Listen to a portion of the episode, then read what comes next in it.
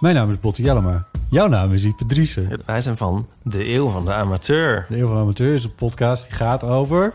Alles. Het is een eh, podcast over levenskwesties die je niet kunt googlen. Een soort licht neurotische blik op het leven. Het is een podcast met humor. Jezus. Kijk, een grapje. Die, die vragen durft te stellen en die je ook onbeantwoord durft te laten. Mooi. met een regenboogvlagje. Dat, dat noem je queerbot. Dat uh, regenboogvlagje, dat klinkt echt als een soort... Eh, ik bedoel, iedereen is welkom. Kom ons luisteren in je favoriete podcast-app.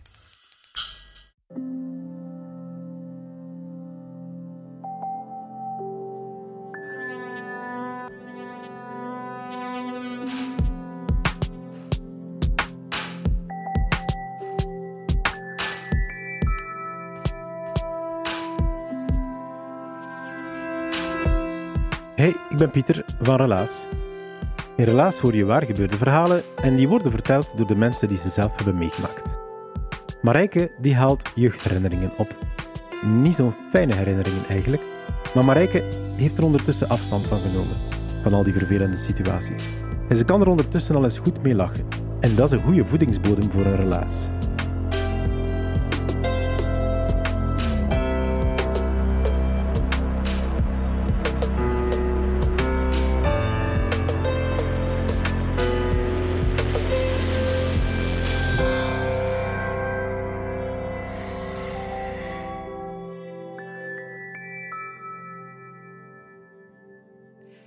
De K van Kortrijk.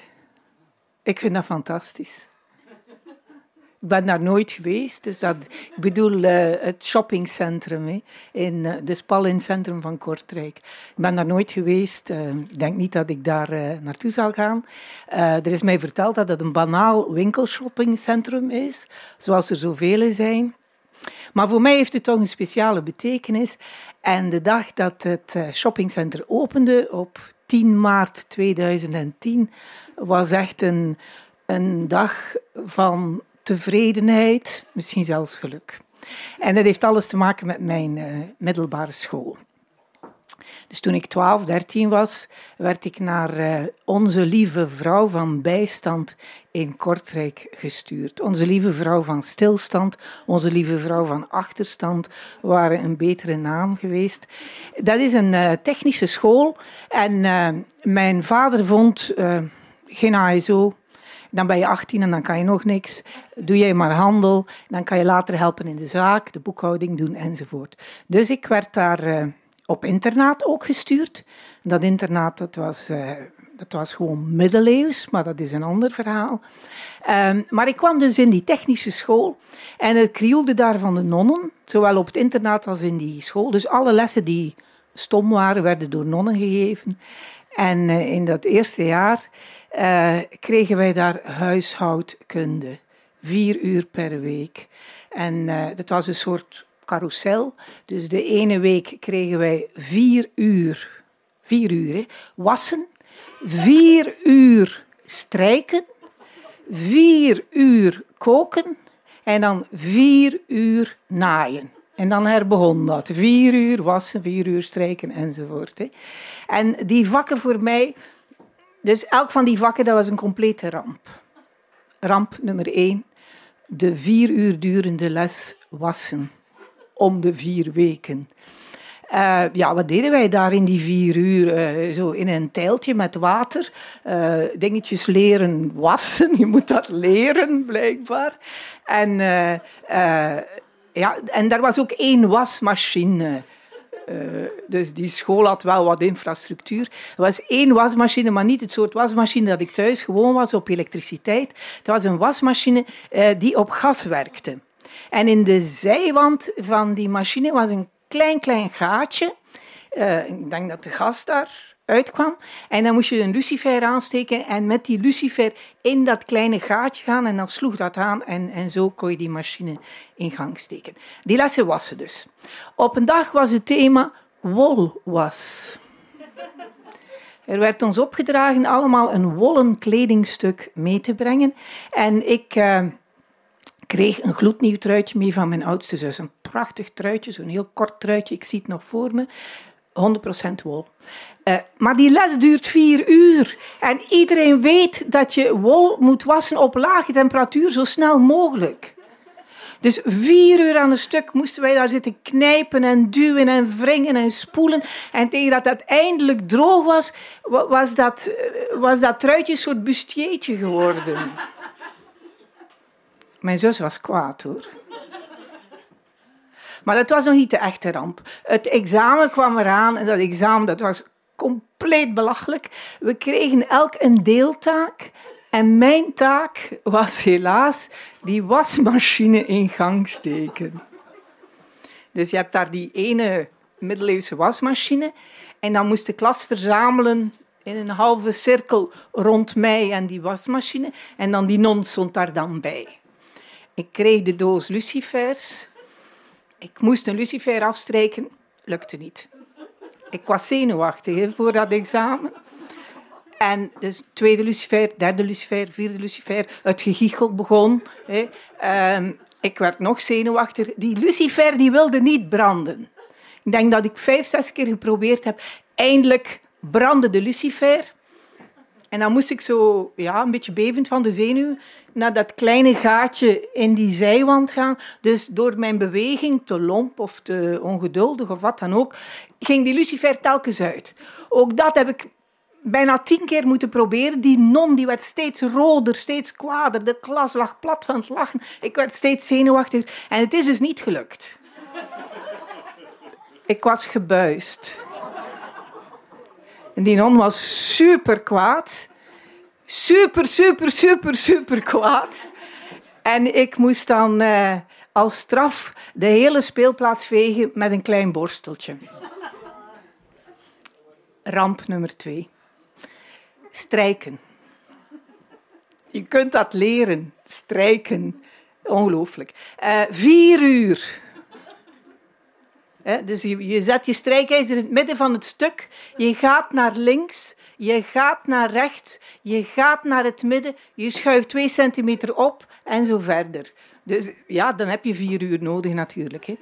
Nu, voor die nonnen was dat eigenlijk heel mooi meegenomen, want die hadden behalve die school, hadden die ook een uh, bejaardentehuis, een oude mannenhuis, zeiden wij. En ik dacht ook echt dat het er vol met oude mannen zat. En uh, dus in, in, in die vier uur durende les had die non... Uh, overvolle manden met strijkgoed mee. En dat waren, denk ik, allemaal kleren van die oude mannen. En op een keer Um, dus wij moesten naar die non gaan en dan gaf zij ons een kledingstuk. Wij moesten dat strijken, netjes oplooien en dan terugbrengen naar de zuster. En dan zei ze of het goed of niet goed was en dan kregen we het volgende. En dus zo profiteerden zij eigenlijk van ons. Hè. Vier uur aan een stuk, een klas van twintig leerlingen, dan kun je al wel wat strijkgoed, wat strijkgoed doen. Um, ik kreeg een polo. Het zag eruit alsof hij van satijn was zo polyesterachtig, satijnig, glanzende stof, heel bewegelijk, eigenlijk onstrijkbaar. Maar ik was een braaf meisje en ik wou het ook echt goed doen. Uh, dus ik heb daar, ja, die polo. Ik denk dat ik een uur bezig geweest ben, echt vechten met mijn strijkijzer op die polo. En die bewoog en die kreukte enzovoort. En dat lukte niet. Uiteindelijk dat boeltje opgeplooid, zo goed mogelijk, en naar die zuster. Ja, die non die was ook weer kwaad. Hè? En, en die zei, ja, hoe is dat nu toch mogelijk? Je bent meer dan een uur bezig geweest en het trekt toch nog op niks. En toen ben ik ontploft. Uh, ik heb die non uitgescholden voor alles wat mooi en lelijk was. Uh, ja, ik weet niet wat ik daar allemaal uitgekraamd heb. In elk geval, zij was verbijsterd en ik was zelf ook verbijsterd. Maar alle frustratie kwam eruit. Eigenlijk is, ja, ik begrijp nog steeds niet hoe zij ons zo konden bezighouden met zo'n onnozele dingen. Vier uur iedere week. Ik was gebuist. Um, volgende ramp. Nummer drie. Naaien. Al bij al viel dat mee. Want, dus weer in het kader van de geweldige infrastructuur van die geweldige school, er was één of misschien twee naaimachines. En uh, ik kwam achteraan het alfabet, dus het was alfabetisch, van steenkes, de V. Dus tegen mijn beurt was, waren die naaimachines altijd stuk. Dus ik heb nooit leren naaien. Ik denk dat ze ons bezig hielden dan met een breiwerkje of zo. Ik herinner me dat niet meer. Maar wel, altijd als het dan eindelijk na maanden mijn beurt was, was de machine kapot. Een geluk bij een ongeluk misschien, want ze hebben het niet kunnen verpesten voor mij. Dus tegenwoordig volg ik nu naailessen in het SNT en ik doe dat enorm graag. Dus ik heb het gevoel van, eh, ja, dat, dat hebben ze nu niet kunnen afpakken. Dus ramp nummer drie, redelijk. Nummer vier, koken. Koken. Ik weet wat een bruine roe is. En ik weet wat een witte roe is. Voor de rest ja, ik denk als je kan lezen, kan je een kookboek ook lezen en kan je de instructies volgen. Maar eh, dus de ramp daar was vooral weer het examen. Het examen was een heel gedoe. Uh, wij zaten in die kookklas en we moesten een complete maaltijd, voorgerecht, verschillende hangen, nagerechten. We moesten dat koken en dan moesten wij dat volgens de regels van de kunst ook opdienen. We moesten daarvoor een wit, klein wit opdienschortje meebrengen.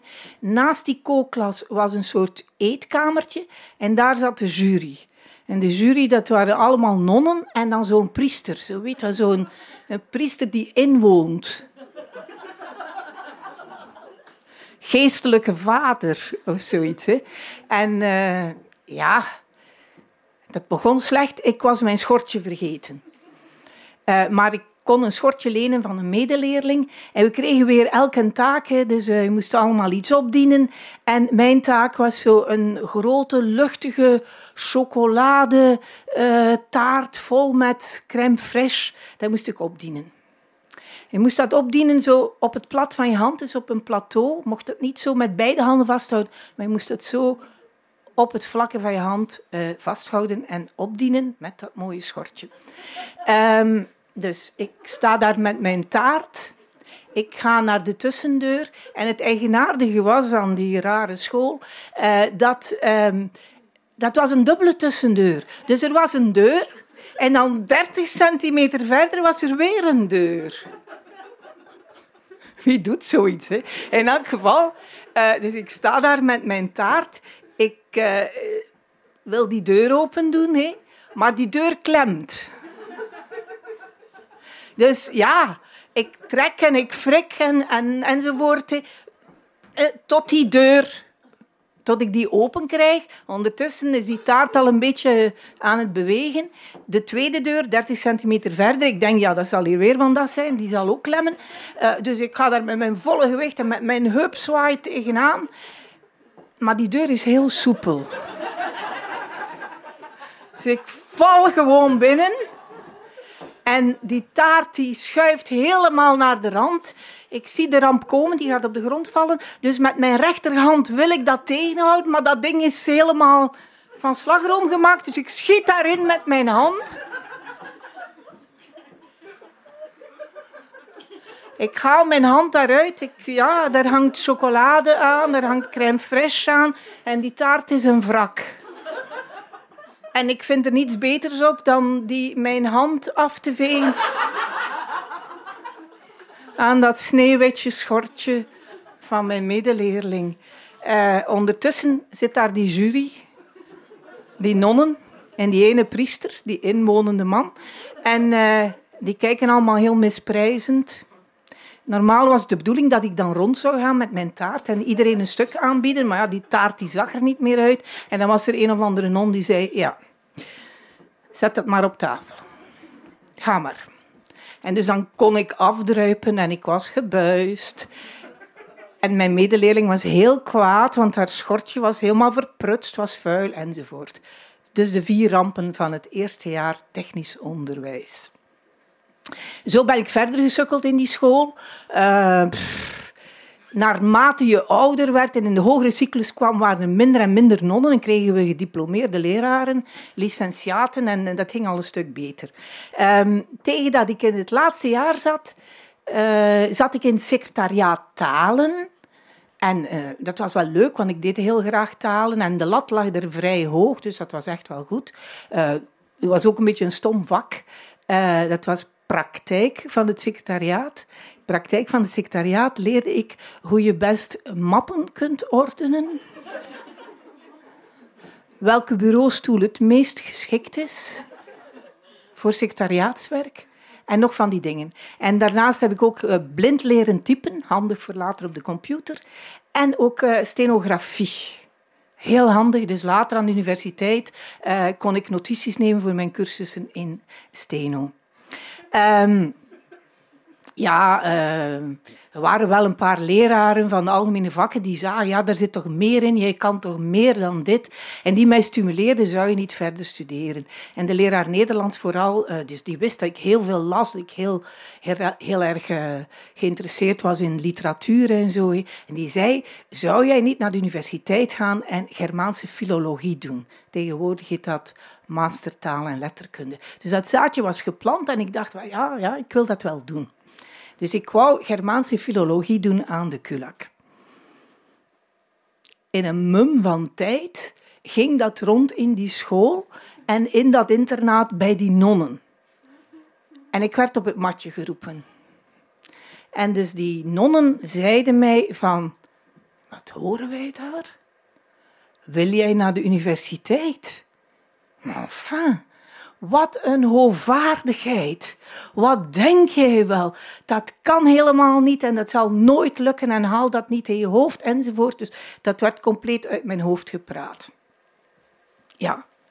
Um, een tijdje later, in datzelfde zesde jaar, waren er een aantal nonnen die, dus het was, het was de jaren zeventig, en uh, die dachten, ja, we moeten toch uh, een mis maken die meer aansluit bij de leefwereld van de jongeren. Hè. En ze hadden dus een jeugdmis gemaakt. Het was namelijk zo, wij internen, wij zaten drie keer per week om 6 uur 30 in de kapel voor een mis. En op de dagen dat er geen ochtendmis was, moesten wij s'avonds naar de avondwijding. Dus we hebben uren gesleten in die kapel. En dus die nonnen die hadden een jeugdmis gemaakt. En uh, uh, dus die jeugdmis, ja, wij vonden dat belachelijk. Zo het idee dat die nonnen dachten dat zij in onze leefwereld, onze gedachtenwereld zouden kunnen komen. En ze hadden ook de bal een beetje misgeslagen, want als muzikaal hoogtepunt van hun jeugdmis hadden zij een plaatje van Paul Severs gebruikt. Ieder mens. Prachtig nummer. Je moet dat echt eens opzoeken. Ieder mens. Zo, naarmate het nummer vordert, wordt het koor erachter heel hysterisch. Zo, echt prachtig. En, en de tekst is zo diep. Hè. Ieder mens blijft een mens. Ieder mens leeft, ieder mens sterft. Ja, prachtig, echt. Hè. Dus je kan je wel inbeelden dat wij, zo de vijfde, zesde jaar, wij zaten daar te en besmuikt te lachen en zo. En we vonden het allemaal reuze grappig en eigenlijk niet zo... Niks voor ons. Dus, maar als die mis voorbij is, komen die nonnen... Ah ja, nog vergeten. Dus vooraan, voor het altaar, stonden dan drie jongere nonnen met de armen in de lucht mee te zwaaien op Paul Severs. En wij werden uitgenodigd om dat ook te doen. Het is een hoofdbeweging van handen op ieder mens blijft een mens. Echt, ja. Dus hilariteit, maar dan wel zonder dat we het konden tonen. En na die mis komen er een paar van die nonnen naar ons. Um, en, en die vragen, ja, wat vond je ervan? En mijn vriendinnen, tot mijn verbazing, die zei, ja, ja, zuster, oh, ja, ja, ja, dat was tof. Wij zeiden nog niet cool, wij zeiden tof in die tijd. Dat was tof, ja, en, Paul Severs en, en ja, enfin, het was allemaal tof. Maar mijn grootste probleem met die nonnen was dat die zo schijnheilig waren, dat die zo hypocriet waren en, en zo van die machtsbelustelingen. En het laatste wat ik wou was zijn zoals de nonnen, dus ik wou niet hypocriet zijn. En dus zei ik, domweg, ja, ik uh, vond dat eigenlijk niet zo goed. De gezichten betrokken. En uh, ik werd uh, diezelfde dag nog op het kantoor of op de kamer van moeder Overste gevraagd. Moeder Overste was zo'n mythische figuur. Dat was de pausin van het klooster. Wij kregen die nooit te zien, maar dat was zo het gezagsargument. En ik werd gevraagd bij moeder Overste. Dus ik moest naar moeder Overste. En moeder Overste, uh, die stak een preek af. Dus uh, wat ik wel dacht, hoe arrogant ik wel was en uh, hoe ik de inspanningen van die nonnen niet gewaardeerd had enzovoort. En zei ze, klopt het dat jij naar de universiteit wil? Ja. En toen kwam weer van, ja, dat kan jij nooit aan en wat denk jij wel? En wat een hubris is dat en hoe hoogvaardig kun je zijn? En laat dat uit je hoofd. Je moet je plaats kennen. Ja, dat, dat, uh, uh, je kon niet zomaar uit je vakje stappen. En als uitsmijter zei ze, heb jij een lief? Zes jaar op internaat bij de nonnen. Maar nee, ik had geen lief.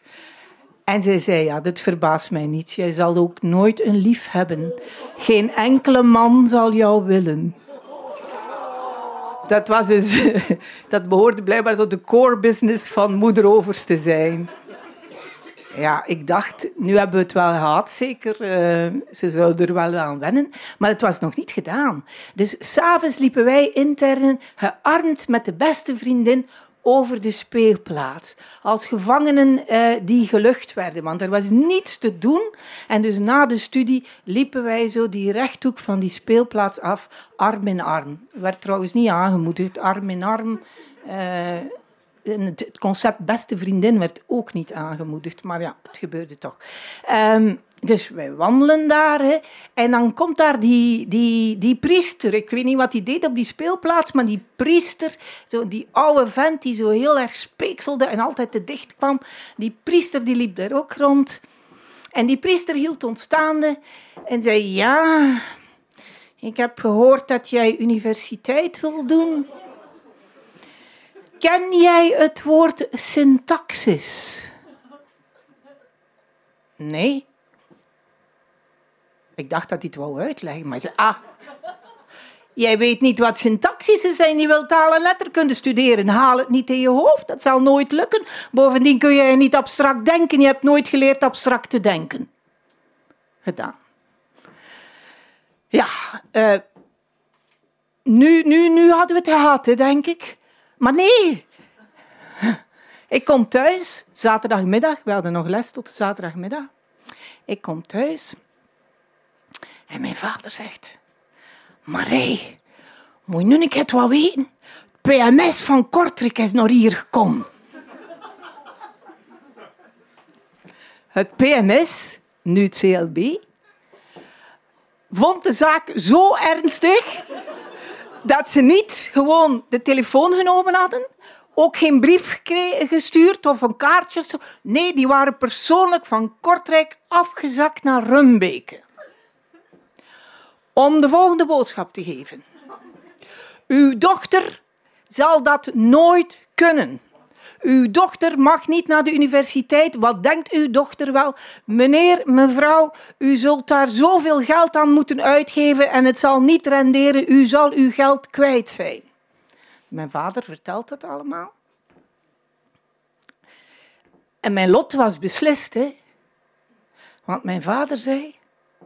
Wat? Ga Germaanse doen. Ga naar de gaan. Dat dat CLB... Sorry, PMS hier een beetje gaan wat dat we er moeten doen met onze kinderen. Of met ons geld. Hij gaat Germaanse doen. Voilà. En ik kon Germaanse doen, maar eigenlijk niet, want er waren nog hindernissen.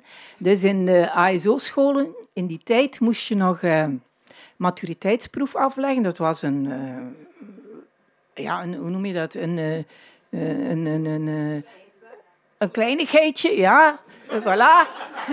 een kleinigheidje in de ASO-scholen. Een formaliteit.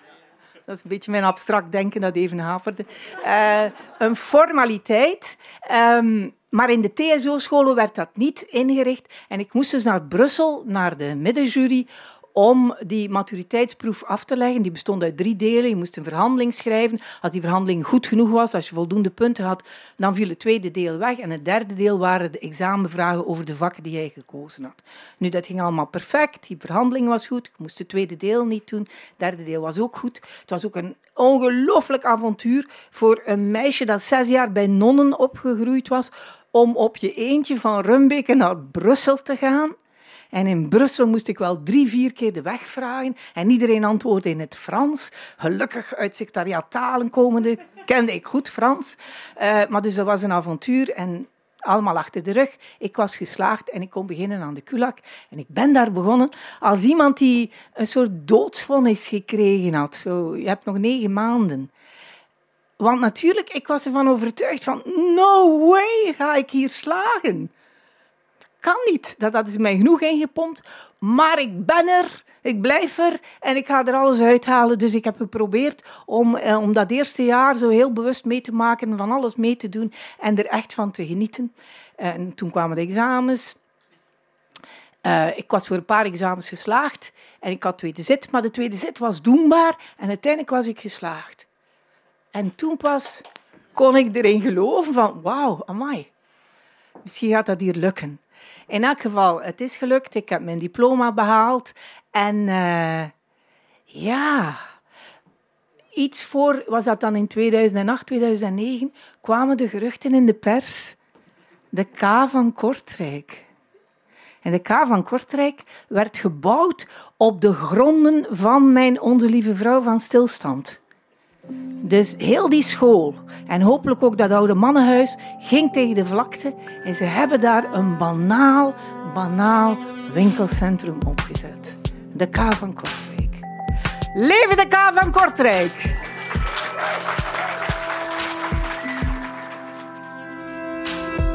Dat was het relaas van Marijke. Ze heeft het verteld in Brugge, het was bij Villa Bota in februari van 2022. En ik weet niet of je al eens live op een vertelavond van Relaas bent geweest, maar daar krijg je bijna altijd twee verhalen voor de pauze en dan twee verhalen na de pauze. En Marijke die kwam net voor de pauze, waardoor we met z'n allen samen tijdens de pauze ieder mens van Paul Severs hebben kunnen zingen. Ongelooflijk was dat. Ik heb er een filmpje van gemaakt op de avond zelf. Ik stel voor dat ik de beelden voor mij houd. Je moest er maar bij geweest zijn, maar ik deel het geluid eventjes, zodat je toch kan horen welke epische momenten er op Relaas vertelavonden voorbij komen. Ja, mensen leven gaat is snel voorbij. Maar de mens...